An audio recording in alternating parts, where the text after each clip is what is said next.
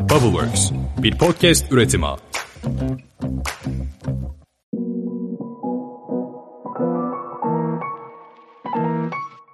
Merhabalar herkese. Start Point Podcast'imin yeni bölümüne hoş geldiniz. Benim ismim Belen ve Start Point benim de girişimcilik süreçlerimden öğrendiğim ve deneyimlediğim şeyleri siz yeni girişimcilere aslında girişimci olmak zorunda değilsiniz bu arada. İş fikriniz olması yeterli. Girişim yolculuğunda belki yıllarca deneyimli olmanız yeterli. Ya da benim de böyle ileride açıp dinleyebileceğim, kendime de bir kaynak oluşturabileceğim bir podcast aslında. Ve eğer önceki bölümleri dinlemediyseniz ben dinlemenizi çok öneririm. Çünkü Start Point aslında bir bütün olduğunda anlamlı olan bir podcast. Bölüm bölüm değil. Ya aslında bunu bir dizi gibi düşünebilirsiniz. Girişimcilik dizisi. Bu bölümde de 6. bölümümüzde rakip analizinden birazcık bahsedeceğim. Rakip analizi nedir, nasıl yapılır? Zaten bir önceki bölümümde pazar araştırması bölümünde yani. Daha sonrasında bölümü çektikten sonra İrem'i konu kalmıştım ve İrem de şöyle bir cümle kurmuştu aslında. Pazar araştırması yaparken rakiplerinizi de araştırmak çok önemli. Rakipleriniz de sizin pazarınıza giriyor çünkü diye. Bu da bana bir sonraki bölümün aslında rakip analizi olması gerektiğine karar vermeme sebep oldu diyeyim. Çünkü birbiriyle çok ilişkili konular aslında bunlar. Hazırsanız bölüme başlayabiliriz.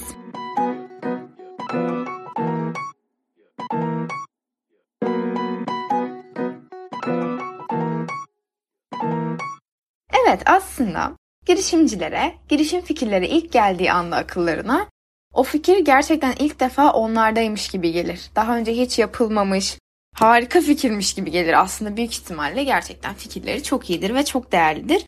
Ama aslında bu fikirler biricik olmayabilir. Daha önce yapılmış, denenmiş, başarısız olmuş olabilir. Çok başarılı rakipleri piyasada olabilir. İlk hedefi olan pazarda buna yönelik bir girişim olmayabilir fakat yurt dışı pazarında buna yönelik bir girişim vardır. Belki değer önerisini birebir karşılayan başka bir girişim vardır. Bu nedenle genellikle girişimciler rakiplerini gördükleri zaman vazgeçerler. Genellikle hep bu olur. Geçen gün bir takipçim yazdı sonra araştık ya benim rakibim varmış çok kötü hissediyorum falan diye dedim ki hayır rakibinin olması kötü bir şey değil hemen gel anlatayım. Sonra gerçekten bir 10 dakikalık bir görüşme sonucunda tekrardan girişimine devam etmesi konusunda ikna edebildim. Bu yüzden çok mutluyum. Bana Instagram'dan çok fazla girişim fikri olan genç yazıyor. Ve şey diyorlar işte girişim fikirlerini anlatıyorlar. Benim de ilk sorduğum şey rakibin kimler? Zaten fikirlerinden anlıyorsam ben onlara rakiplerini söylüyorum. Rakibim yok yazıyor tamam mı şimdi? Rakibim yok bir kere çok şey bir cümle. Rakibin nasıl olmayabilir? Yani yıllardır inovasyon yapılıyor, fikirler bulunuyor, işler geliştiriliyor bu dünyada. Rakibin nasıl olmaz? Şimdi bunu da bir anlaşalım. İlla ki rakibin vardır. Eğer gerçekten rakipsiz bir girişim bulduysan çok çok tebrik ederim seni. Belki bu da mümkündür. Ama en azından değer önerinin bir ucundan tutsa da bir rakibin büyük ihtimalle vardır. Eğer rakibim yok diyorsan ve rakip bulamadıysan büyük ihtimalle iyi araştırmamışsındır. O nedenle mutlaka öncelikle girişim fikrine yönelik rakiplerin araştırması çok önemli. Zaten fikir bulduktan sonra dünya üzerinde bu var mı, Türkiye'de bu var mı bir bakmamız gerekiyor. Tabii öncelikle productlarımızı belirledikten sonra. Diyelim ki ben bir e-ticaret sitesi kurdum. Diyelim ki ben Demet Mutluyum. Trendyol'u kuruyorum. Ve işte rakiplerime bakacağım. Zaten sanırım tam olarak bilmiyorum ya Demet Mutlu'ya da Amerika'da çok alışveriş yaptığı bir site ilham olmuş Trendyol'u kurarken. Büyük ihtimalle Amazon'dur o site tam olarak bilmemekle birlikte. Böyle Amazon geldi benim de ilk aklıma. Demet Mutlu Trendyol'u kurarken ilk başta Türkiye'de Morhipo vardı, 1v1y.com vardı. Türkiye'de bile rakibi bolca vardı aslında. Yurt dışında Amazon vardı, eBay vardı. O zamanlar tabii Türkiye'de gitti gidiyor vardı, hepsi burada vardı rakibi de olan bir piyasaya girmişti aslında. Çok rakipsiz gözükmüyordu burada. Ama neden girdi? Ve aslında nasıl başardı? Yani burada bir sürü rakibi olan bir piyasada nasıl sadece otusundu? Şu an büyük ihtimalle e-ticaret sitesi dediğimiz an ilk aklımıza gelen şey ya Amazon ya Trendyol'dur Türkiye'den. Ama Demet Mutlu Trendyol'u kurmaya karar verdi ve büyük bir rekabet ortamının içine girdi. Ve eminim ki burada rakiplerini de çok iyi araştırarak onlarda hangi ürünler var, hangi değer önerilerini sunuyor, kimlere hitap ediyor, hitap ettiği kesime nasıl hizmet sunuyor çok iyi araştırmıştır diye tahmin ediyorum. Burada rakip analizini yaparken de biraz öncelikle tabii senin kendi ürünlerini belirlemen gerekir. Sonra hangi rakiplerde hangi ürünler var, senin yaptığın şeyleri ne kadar karşılıyorlar, sen onlardan farklı bir hizmet sunabiliyor musun gibi gibi sorulara cevap arayabilirsin. Mesela Trendyol ilk açıldığında Rakiplerinin sunduğu şeyler nelerdi? İnternette karışık bir pazar yeri aslında oluşturulmak. Ayakkabı kategorisi, çanta kategorisi, belki kozmetik kategorisi gibi eve teslimat, hızlı kargo gibi seçeneklerinin bulunması. Demet Mutlu bunları aldı, cebine koydu ve Trendyol'u kurdu. Burada bazı rakiplerinde belki hızlı teslimat yoktu. Bir sonraki gün teslimat yoktu. Ya da ne bileyim sadece İstanbul içi hizmet veriyorlardı gibi gibi seçeneklerini iyice araştırmıştı olması gerekiyordu. Siz ek olarak neler yapabilirsiniz? Nerelerden rakiplerinizi bulabilirsiniz? Hadi şimdi birazcık bunu konuşalım. Bir örnek üzerinden ilerlemektense biraz daha senin girişim fikrin üzerinden ilerleyelim. Girişim fikrinin ürününe karar verdin diyelim ki. Zaten elimizdeki açık kaynak kesinlikle Google. Google'a giriyoruz. Girişim fikrinin amacını yazman gerekiyor Google'a. Bunu bir Türkçe arat. Sonra farklı farklı kelimeler yanına koy işte. E-ticaret sitesi diyelim. Örnek vermeden gitmek biraz zor oluyor burada. Camp üzerinden gidelim hatta çok daha iyi olur. Kamp alanı rezervasyonu. Ben bir bakıyorum ilk Google'a giriyorum. Kamp alanı rezervasyonu sitesi arıyorum. İşte kamp yerlerine rezervasyon, bungalov rezervasyon, otel rezervasyon. Otel rezervasyon bile benim burada bir rakibim aslında. Çadır kiralama, çadır işte çadır alanı rezervasyonu, karavan rezervasyonu bunların hepsini teker teker aratıyorum.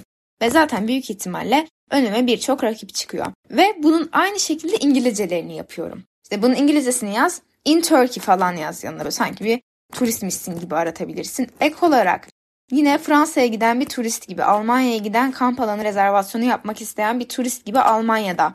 Almanya için bunu arat işte. Best Camping Reservation Tools in Germany, in France gibi gibi bunları aratabilirsin ve buradan sadece Amerika ya da İngiltere değil aynı zamanda global tüm Avrupa'daki rakiplerini de görebilirsin. Mesela bizim burada en güçlü rakiplerimiz kesinlikle Fransa'da. Fransa'daki rezervasyon alanları ve biz onlardan hem çok şey öğrendik hem de değer önerimizi onlardan ayrıştırabildik ki birebir aynı olmayalım. Belki biz gün gelecek Fransa pazarına açılacağız ve onlardan farklı hizmetler de sunmamız gerekecek. Yoksa biz onların rakibi değil, onlarla aynı işi yapan insanlar oluruz tamamen. Demem o ki kısaca özetlemem gerekirse farklı kelimeleri kendi hizmetinin yanına koyarak Google'da uzun bir arayış sürecine girmen gerekiyor. Hem Türkçe hem İngilizce hem de sanki Türkiye'de bir yabancı arıyormuş gibi bunları yapabilirsin. Yurt dışına farklı farklı ülkelerde bu şekilde arayabilirsin. Ek olarak da zaten bunlar genellikle startup ekosisteminde bilinen girişimler olabilir. Burada da Türk girişimcilik ekosisteminde, startup ekosisteminde hangi oyuncular varmış, hangi girişimler varmış, ne gibi hizmetler sunuyorlarmış iyice görmek için e-tohum, Startup Market, atıyorum Endeavor Turkey, Endeavor Global, ek olarak Forbes bu, bu gibi sitelere bakabilirsin. E-girişime bakabilirsin yine bunun gibi bir site olarak. Yani Türk startuplar, Türkiye tarım alanındaki startuplar, Türkiye e-ticaret alanındaki startuplar, şirketler gibi Google'da birçok arama yapmanı kesinlikle öneririm. Ve rakiplerini derinlemesine araştırdıktan sonra bunu bir tablolaştırman gerekiyor. İşte rakiplerini önüne al, kendini önüne al ve hangi hizmetleri veriyorsunuz bunu bir sırala. Artı eksi yöntemini burada kesinlikle yapabilirsin ya da çarpı tik yöntemini. Zaten rakip analizi tablosu yazdığın an Google'a bunlar çıkacaktır. Podcast'te bunları görselleştirmem zor oluyor kesinlikle ama tablo vesaire önerdiğim zaman onların da adını söyleyeceğim. Sen de mutlaka eş zamanlı onları Google'dan aratabilirsin. Hangi rakibinde hangi özellikler var, sende hangileri var, sende hangileri yok bunları bulabilirsin. Peki rakip analizi yaptıktan sonra aslında bu senin ne işine yarayacak dersen biraz böyle çok benzediğin rakipler varsa o sektöre girmen tehlikeli ve riskli olabilir. Burada rakiplerden kendini ayrıştıracak farklı değer önerileri sunabileceğin hizmetler bulabilirsin. Trendyol'u rakiplerinden ayıran en büyük özelliklerden biri de son yıllarda influencerların link bırakması biliyorsunuz ki. Bence Trendyol influencer pazarını ve influencerların önemini ilk keşfeden startuplardan, e-ticaret sitelerinden biri oldu. Ve bu link bırakma tamamen Trendyol'la başladı. Yurt dışında tabii ki bu vardı. Affiliate programı olarak geçiyor bunlar. Aslında marka elçileri, marka temsilcileri komisyonlu link sayesinde influencerların ya da influencer olmasına bile gerek yok aslında. Çeşitli insanların çevresine önerdiği ürünlerin satılıp satılmadığını takip eden linkler oluşturma diyebilirim buna. İlla Instagram'da yukarı kaydırla başlamadı tabii ki bu iş çok çok eskiye dayanıyor. Trendyol rakiplerinden ayrıştıran noktada bu komisyonlu link oldu. Yani influencerlara ikna ederek, influencerlarla işbirlikleri içerisine girerek komisyonlu linkler bıraktığı işbirlikleri oldu ve bu sayede artık hepimiz neredeyse Trendyol kullanmaya başladık. markette birinci olmanın avantajını Trendyol kesinlikle kullanmıyor çünkü markette birinci değildi. Rakiplerini eleyerek, yeni stratejiler geliştirerek ve pazarda önemli oyuncuları yani influencerları fark ederek rakiplerinden çok fazla öne geçti diyebilirim. Bunun gibi özellikleri sen de önden görerek, trendleri takip ederek rakiplerinle aslında ezeli bir rekabet noktasına gelebilirsin gibi bir cümle kurmak istemiştim ama sanırım kurmayacağım. Çünkü aslında rakiplerinle birlikte olmak olabildiğince önemli bir konu. Çünkü şimdi şeyden bahsetmek istiyorum. Rakipler aslında birbirini diri tutan, canlı tutan, birbirinin pazarını oluşturan iki farklı paydaş bu sektörde ve girişimcilik dünyasında çok yaygın bilinen bir kavram var. Bu da rekaberlik. Yani rakibinle birlikte işleri yürütebilme, rekabet ortamından iki paydaşında fayda sağlaması diyebilirim. Rekaberlik kavramını şöyle açıklamak istiyorum. Ben bu kavramı PEPAP uygulamasından öğrendim. PEPAP uygulamasının kurucusu sayesinde öğrendim. Onunla bir podcast bölümü kaydetmiştik. PEPAP bu arada bir regli takip uygulaması, menstrual döngü takip uygulaması daha doğrusu. Ve Türkiye pazarında ilk bunu yapan uygulamaydı PEPAP. Bununla birlikte Orchid, Orchid'ti sanırım. Buranın çok açık bir pazar olduğunu görerek hemen PEPAP'ın çok benzeri bir uygulama yayınladı. Ve aslında bu PEPAP evet çok biliniyordu kadınlar arasında ama Orchid çok bilinen bir marka ve Pepup'un sektörüne girdi burada. Orchid'in çok bilinen bir marka olması kadınlar arasında çok büyük bir avantaj. Çünkü bunu uygulama olarak çıktığını reklamlarda duyurduğu an, kendi pedlerinin üzerinde duyurduğu an herkes büyük ihtimalle Orchid uygulamasını indirecek. Fakat burada işte ben bu soruyu Emrah abiye yöneltmiştim. Abi demiştim işte Orchid girdi bu pazara ne düşünüyorsun? Hani çok da büyük bir oyuncu. O da şey demişti burada birlikte büyümek, rekaberlik çok daha önemli. Orkid sayesinde bu regli takip uygulamaları, e, regli takip uygulamaları olarak bakıyor bunu. Yani işte Trendyol'un case'inde de e-ticaret uygulamaları tarafından bakılıyor mesela. Regli takip uygulamaları bizim ulaşamadığımız insanlara ulaşacak. Çünkü hiç bilinmeyen pazarda yeni bir uygulamanın bütçesiyle bu kadar çok tüm Türkiye'den insana ulaşmaktansa Orkid'in ya da Kotex gibi çok büyük bir oyuncunun bu kadar insana ulaşması çok daha kolay. Hem bütçe hem marka bilinirliği açısından bu gibi kurumsal firmalar çok daha avantajlı. Fakat Emrah abi şöyle bir cümle kurmuştu. Birçok insana ulaşacak büyük ihtimalle benim yıllar boyunca ulaşabileceğim insana bir anda ulaşacak. Fakat genellikle bizim uygulamamızın çok daha iyi olduğunu gördüklerinde de büyük ihtimalle onu silip bizim uygulamamızı keşfetmeleri daha kolay olacak. Yani aslında bu tarz uygulamaları bilmeyen insanlara bu tarz uygulamaları öğretecek büyük oyuncular. Benim de çok hoşuma gitmişti bu kavram ve Campy'de de aslında sürekli aklımın bir ucunda bulunan bir cümle bu. O yüzden büyük oyuncuların senin sektörüne girmesi çok da kötü bir durum değil aslında. Rekabet ortamının oluşması çok da kötü bir durum değil.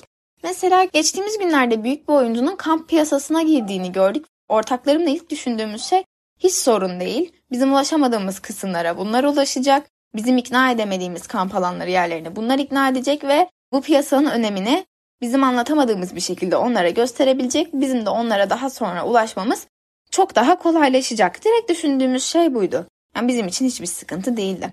Bu nedenle büyük oyuncuların sizin alanınıza girmesinden hiç korkmayın. Yeter ki siz değer önerinizi çok güçlü bir şekilde arkasında durabilin. Bu alanda çalışmalarınıza güçlü bir şekilde devam edin ve rekabeti de kesinlikle sizin ateşleyici gücünüz olduğunu fark edin. Çünkü rekabetin olduğu ortamda rehavete kapılmazsınız. Ay ne kadar güzel söz oldu. Çok güzel söz olmadı mı? Rekabetin olduğu ortamda rehavete kapılmazsınız. Vay bunu bir yere yazacağım. Rehavete kapılmazsınız ve çalışmalarınızda emin adımlarla ilerlersiniz. Bu nedenle rakip analizini sürekli yapmak, bu arada rakip analizi de aynı şekilde hedef kitle analizi gibi yapmayı hiç bırakmayın. Ara ara mutlaka yapın. Çünkü yeni oyuncular pazarınıza hep girecek. Siz açıldığınızda belki sizin rakibiniz yoksa bile Türkiye çapında yeni oyuncular sizden görüp girebilecekler. Bu olabilir bir durum. Bu nedenle mutlaka rakip analizi yapmayı bırakmayın. Google'a da rakip analizi tablosu yazarak bahsettiğim şeyi bulabilirsiniz. Eğer bölümü dinlediyseniz beğenmeyi, arkadaşlarınızla paylaşmayı, Instagram'dan paylaşmayı unutmayın. Yeni bölümler için de takipte kalın. Bütün sosyal medya linklerimi açıklamalar kısmına ve Patreon linkimi açıklamalar kısmına bıraktım. Bölümle ilgili bir feedbackiniz, kötü, iyi, geliştirmeye açık bir feedbackiniz varsa bana belirtmeyi unutmayın. Sosyal medya hesaplarımdan mesaj olarak geri dönüş yapıyorum her zaman. Çok teşekkür ederim dinlediğiniz için. Bir sonraki bölümlerde görüşmek üzere.